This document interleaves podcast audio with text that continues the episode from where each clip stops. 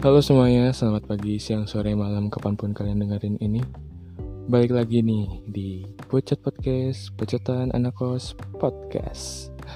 Sorry banget nih, minggu kemarin gue gak bisa menemani hari lo, asik.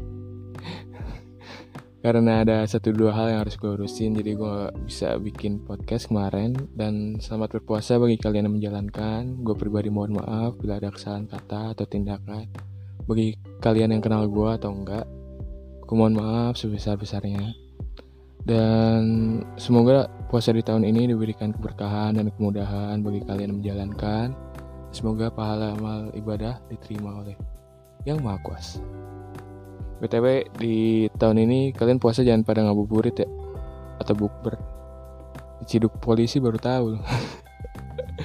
Oke balik lagi nih di podcast kali ini karena gue di first akunnya gue waktu itu bikin kayak Q&A gitu loh. Jadi kalian bebas bertanya mau apa aja. Bebas random ya. Dan gue jawabin di podcast gue kali ini.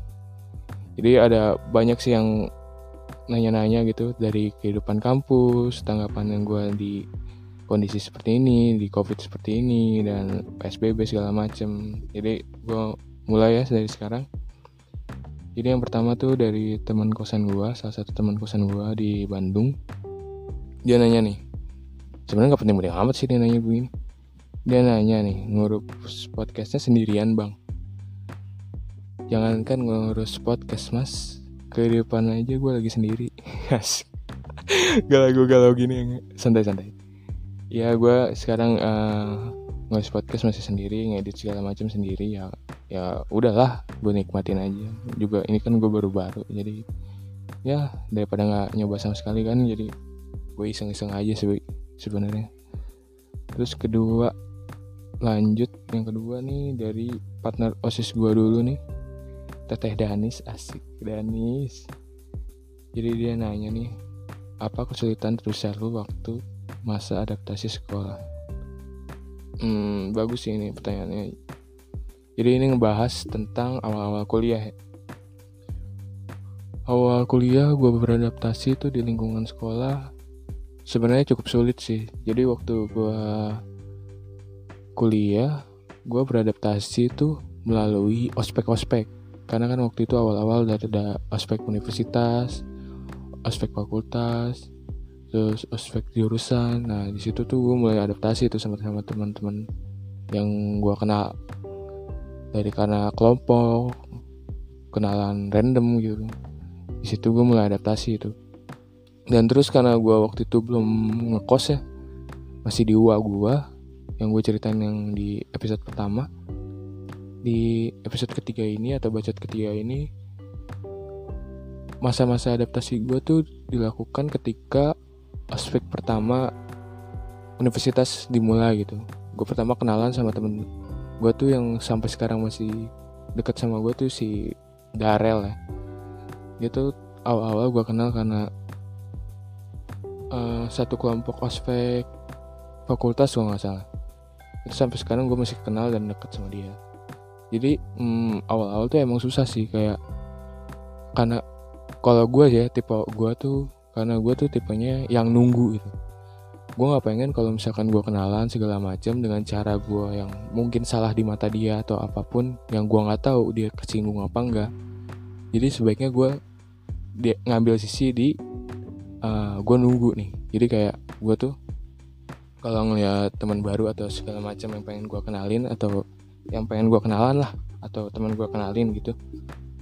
Jadi gue ngelihatnya dari awal uh, respon dia gitu. Kalau misalkan dikenalin nih contohnya dikenalin respon dia gue dia ke gue gimana? Terus kayak dia ngenalin diri kayak gimana? Gue kayak lebih ngebaca gitu sih situasi dan kondisi yang akan gue lewatin kalau misalkan gue temenan sama dia gitu.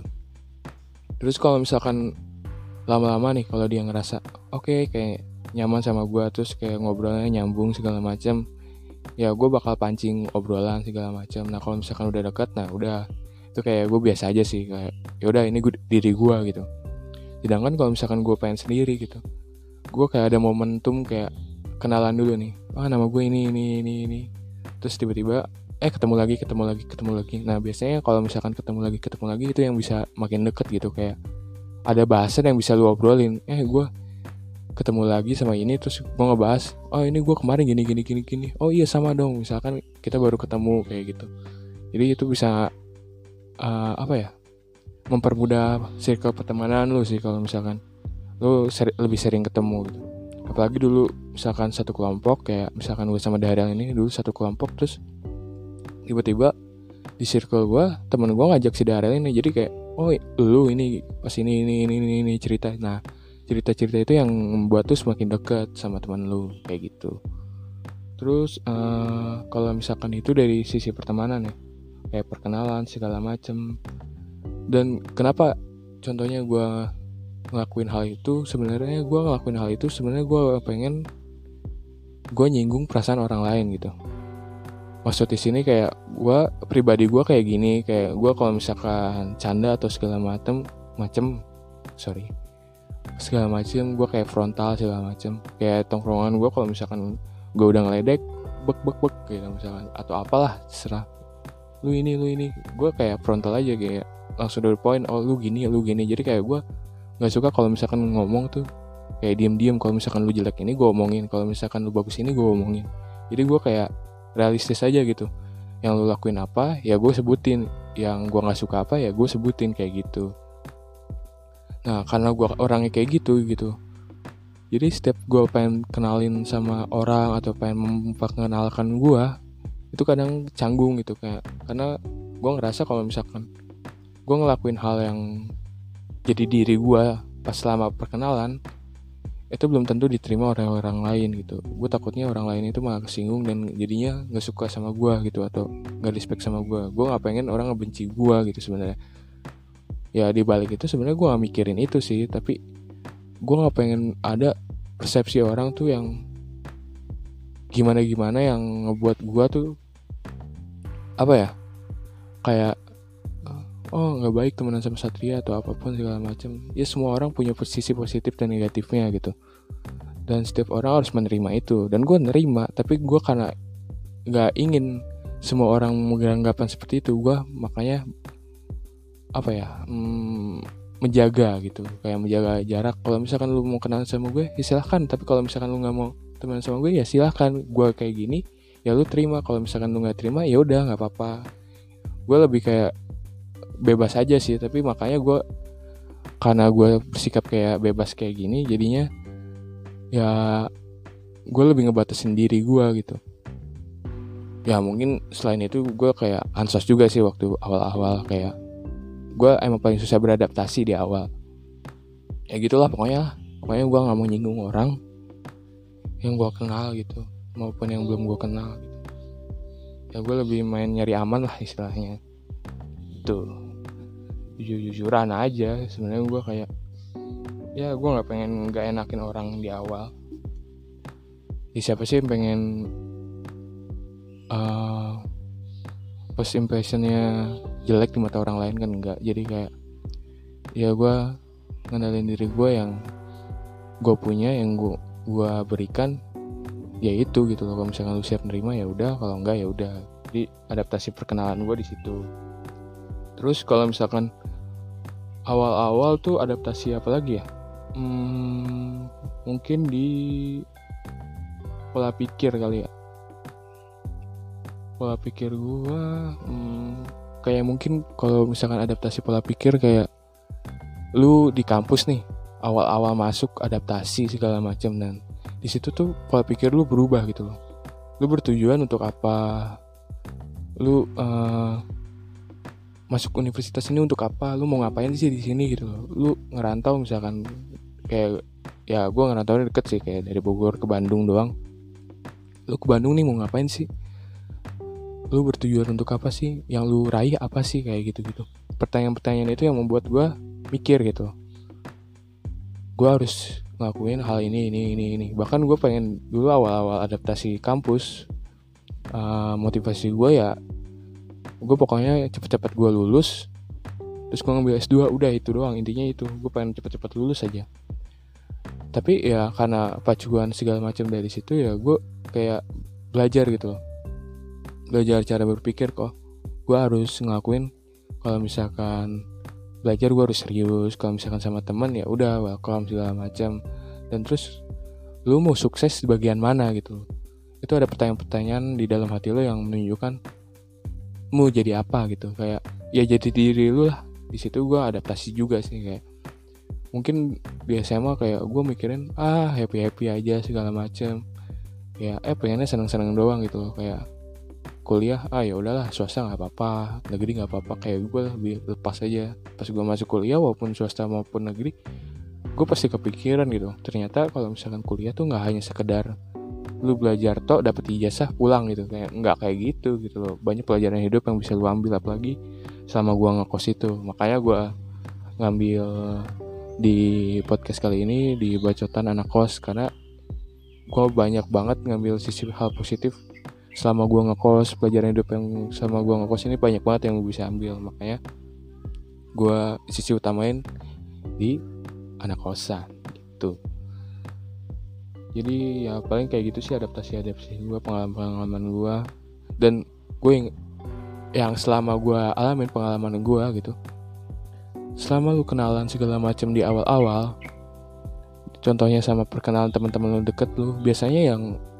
yang apa ya yang lu kenal dari awal segala macam yang cuman halo nama gue ini ini ini itu biasanya sih nggak lama gitu loh. Perkenalan cuma khas hanya sebatas sapa dan salam gitu.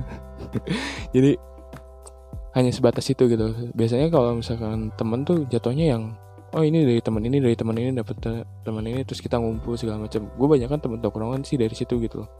Kayak gue dikenalin ini dikenalin ini. Nah, itu biasanya lebih care bukan lebih care ya lebih deket dengan pribadi lu karena uh, gini temen lu kadang datang nih. Temen lu kadang datang karena ada seseorang.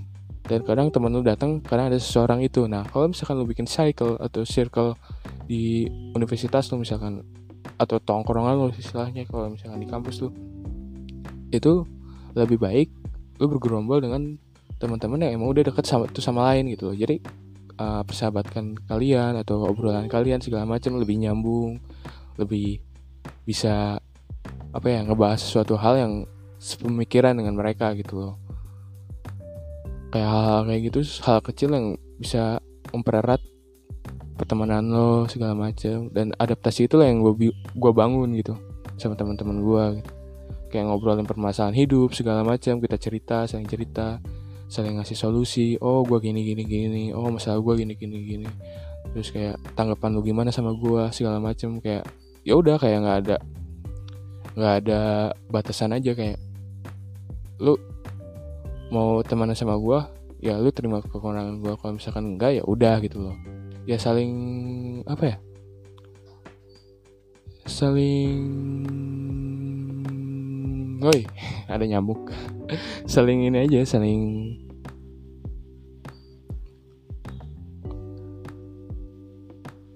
saling senyum sapa salam saling menghormati nah saling menghormati aja saling respect satu sama lain.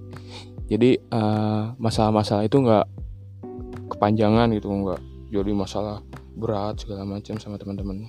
Biasanya masalah-masalah berat segala macam itu dimulai karena lu nggak bisa menghormati temen lu nggak bisa respect sama temen lu. Jadi masalah kecil segala macam dia bisa besarin yang gue lakuin itu terserah lu percaya apa enggak ya udah. Yang gue bisa nikmati yang bersyukur bersyukur karena gue udah dapet teman-teman itu jadi gue buka pikiran gue di sisi ini. Kalau mungkin cara lain kalian beda-beda ya bisa diobrolin sama gue atau ya silakan aja berpendapat sendiri gitu. Jadi ini kan pendapat gue dan selanjutnya uh, ada yang ketiga dari temen gue siapa nih? Dari Wirda. Wirda tuh temen gue yang dikenalin dari teman kosan gue Wirda ini beda beda kampus. Dia di salah satu universitas swasta Islam di Bandung. Dia nanyain ngapain aja sejak di rumah aja? Ya lu kira ngapain? Gitu loh. Lu sama di rumah ya lu makan tidur istirahat makan tidur mandi berak segala macam. Ya nggak ada hal spesial sih kayak gue banyak banyak ngapain ya di rumah aja tuh gue paling banyak ngerjain tugas. Diskusi sama keluarga segala macam ya kadang ada sisi positifnya sih pas selama di rumah aja kayak gini itu lu dapat hal yang baru gitu sama keluarga. Apalagi gue kan gue baru pulang dari kosan gitu. Kayak baru deket lagi sama keluarga. Kayak gue bisa bercanda kadang gue bisa diskusi kadang gue berantem gitu kan. Itu satu cara untuk bonding satu sama lain supaya kalian saling kenal segala macam. Walaupun kalian keluarga belum tentu kalian kenal baik sisi keluarga anda kan? Kayak gitu gitu. Jadi banyak ya banyak kesibukan yang gue kerjain. Salah satunya ya bersama keluarga itu. Dan terus kayak gue ada UTS kayak awal-awal gitu terus tugas-tugas forum diskusi. Ya gue paling sibuk sama forum diskusi sih kayak waktu gue kampus segala macam diskusi kan tinggal pergi tinggal pergi. Sekarang kan harus Google Meet Google Meet Zoom Google Meet. Ya paling ribetnya di situ doang sih. Ya udah syukurin aja yang masih alhamdulillah kan gue masih bisa ngikutin itu bisa ada koneksi internet segala macam ada alatnya. Jadi gue lebih bersyukur aja kali ini. Tuh lu kebayang kan kalau misalkan masih banyak mahasiswa yang entah di mana itu yang mungkin kesusahan segala macam eh sorry banget nih kalau misalkan ada suara noise. Gue lagi di luar. Jadi kayak gitu gitu. Kayak apa lagi tadi? Oh iya kalau misalkan teman-teman lu apa segala macam yang kekurangan gitu sebaiknya kalian bantuin lah atau ya seenggaknya kalian tolongin buat misalkan kuota atau segala macam bagi yang berlebihan untuk membantu yang kekurangan kadang kasihan juga sih kayak mereka-mereka yang nggak bisa ngikutin pelajaran karena alatnya kurang memadai dananya buat kuota kurang memadai atau segala macam. Kadang sedih juga sih kayak bisa melihat hal-hal kayak gitu di saat ini gitu loh. Itu paling paling sedih sih. Terus uh, selanjutnya nih udahan paling itu doang sih. Selanjutnya nih dari temen gue si Aska Kotak Adudu temen tongkrongan gue nih salah satunya. Jadi dia nanya sejak kapan jadi jamet bang? Waduh kita mobil kita mobil. Sorry. Jadi gue lanjut lagi.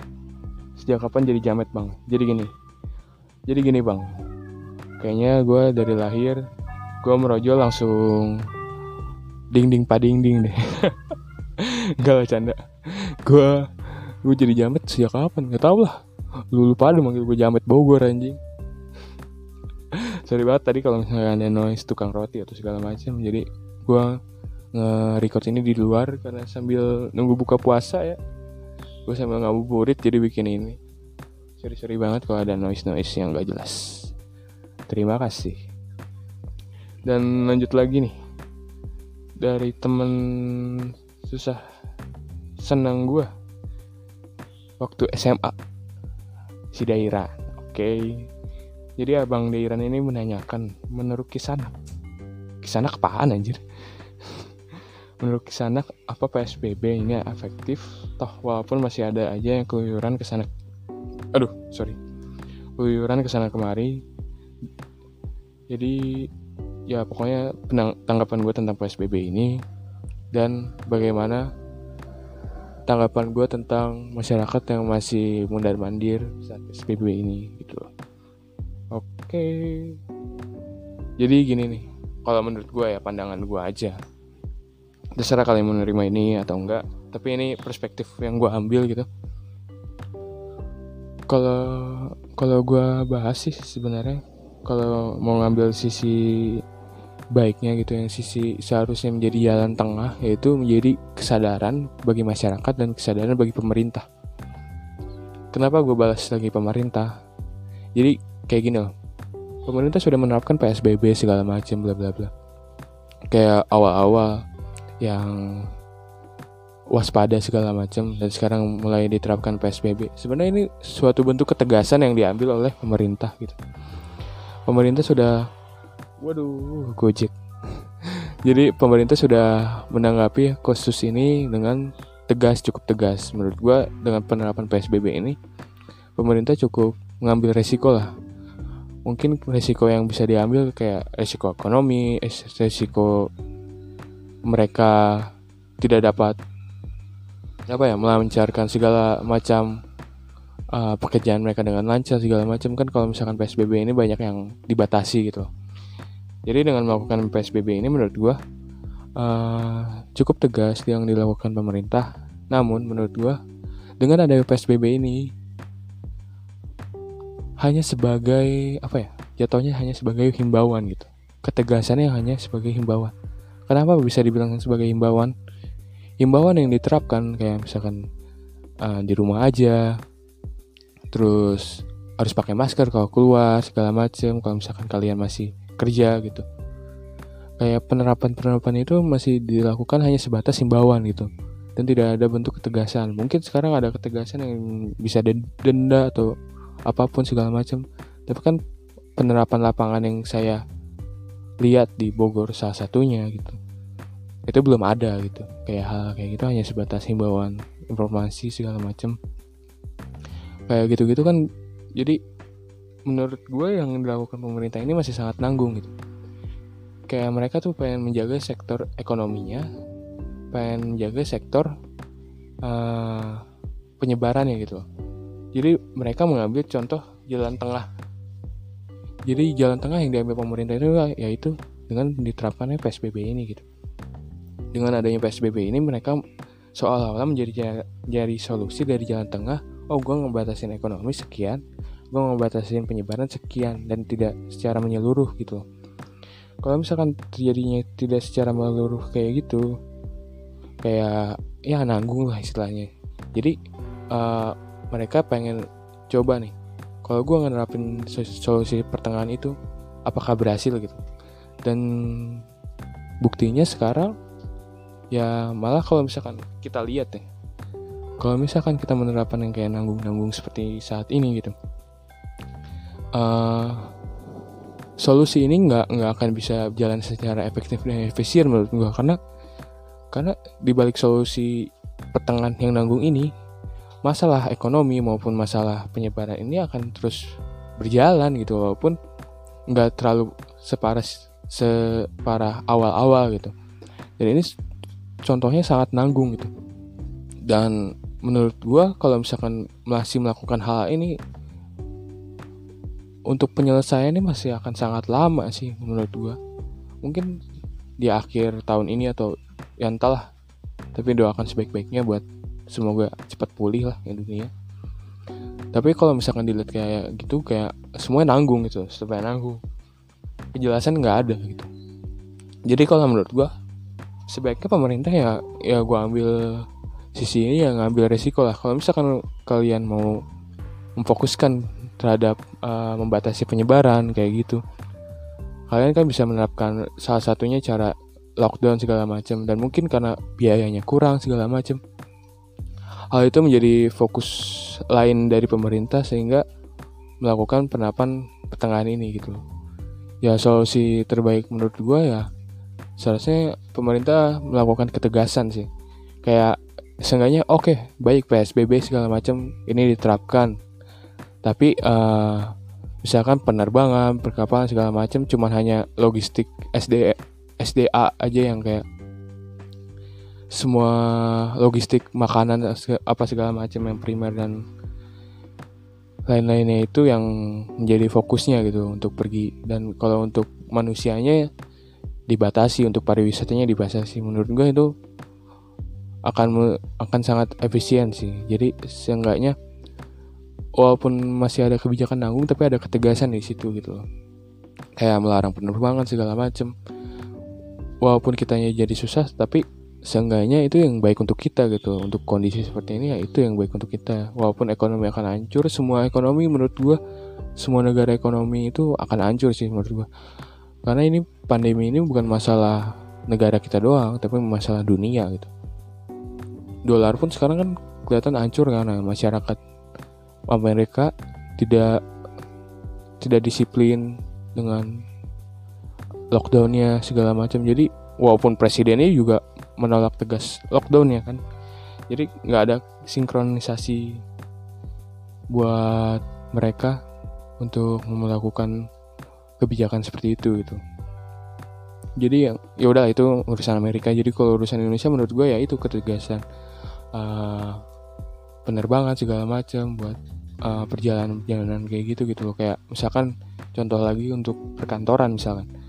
Untuk perkantoran menurut gue kurang efektif karena apa ya? Kalau misalkan lu udah bilang misalkan PSBB untuk peraturan skala cara besar-besaran kayak gitu menurut gue seharusnya PSBB ini bisa dilakukan dengan cara uh, kantor-kantor ini sebaiknya dirumahkan itu WFH itu udah paling udah paling benar gitu menurut gue WF work from home itu udah paling benar. Jadi kalau misalkan kalian yang masih ngantor segala macam menurut gue itu kasihan banget sih. Kayak apa ya kayak contoh bapak gue bapak gue kan di pariwisata nih. Pariwisata ini kayak bapak gue masih harus mantau masih harus rapat segala macam karena kanjilokan yang cukup parah gitu kan. Parah banget malah di sektor pariwisata BUMN bapak gue sehingga masih harus ngantor segala macam jadi seharusnya kalau hal yang kayak gitu gitu sebaiknya dirumahkan gitu. Harus ada kebijakan tegas dari pemerintah. Ya seenggaknya pemerintah daerah gitu kebijakan. Sebaiknya untuk sektor ini ini ini ini dirumahkan. Jadi kayak ada kejelasan transparansi yang jelas tentang peraturan yang akan diterapkan gitu. Di situ gitu loh. Gue gue fokusnya di situ aja sih kayak ini kurang tegasnya pemerintah. Jadi menurut gue kesadaran masyarakat yang masih nanggung gitu. Kayak kayak kemarin contohnya kayak mudik. Mudik kan kada kada bapak presiden segala macam tidak boleh atau boleh lah atau menteri ada yang bilang nggak boleh nggak boleh lah segala macam kayak tidak ada koordinasi segala macam yang harus dicerna untuk masyarakat tuh apa gitu loh. Masyarakat harus bertindak apa harus melakukan apa. Jadi adanya ketegasan segala macam ini jadi kayak ya udah gitu kayak nggak ada artinya gitu. Kayak lu bilang misalkan PSBB harus di rumah aja segala macam tapi suruh mudik boleh ada yang bilang nggak boleh segala macam. Ya masyarakat bingung di situ gitu loh. Makanya karena adanya kebingungan itu di dalam masyarakat. Jadi uh, masyarakat tuh ada yang hanya aware ada yang ketakutan ada yang biasa aja. Jadi tanggapan masyarakat semakin luas gitu loh. Tidak tidak berujung. Kalau misalkan pemerintah yang tegas yang seperti gue bilang gitu uh, masyarakat harus ini ini ini ini tok gitu. Ya udah gitu. Masyarakat hanya ada dua persepsi misalkan. Gue harus tunduk dengan pemerintah dengan aturan-aturan pemerintah atau uh, eh, gue harus uh, apa ya? Harus kena uh, kena dampaknya. Maksudnya kayak dengan adanya PSBB misalkan aturan PSBB dengan adanya aturan PSBB misalkan penindak penindakannya kan ada denda atau segala macam. Nah kalau misalkan ada ketegasan di situ antara ya akan melakukan atau dia harus mau nggak mau harus kena dendanya itu gitu. Nah di situ kan ada ketegasan. Kalau misalkan kayak seperti sekarang gitu ada yang bilang mau mudik ada yang bilang nggak boleh mudik segala macam. Jadi masyarakat ya kayak ya udahlah ada yang bilang boleh mudik ada yang nggak boleh nggak boleh mudik segala macam.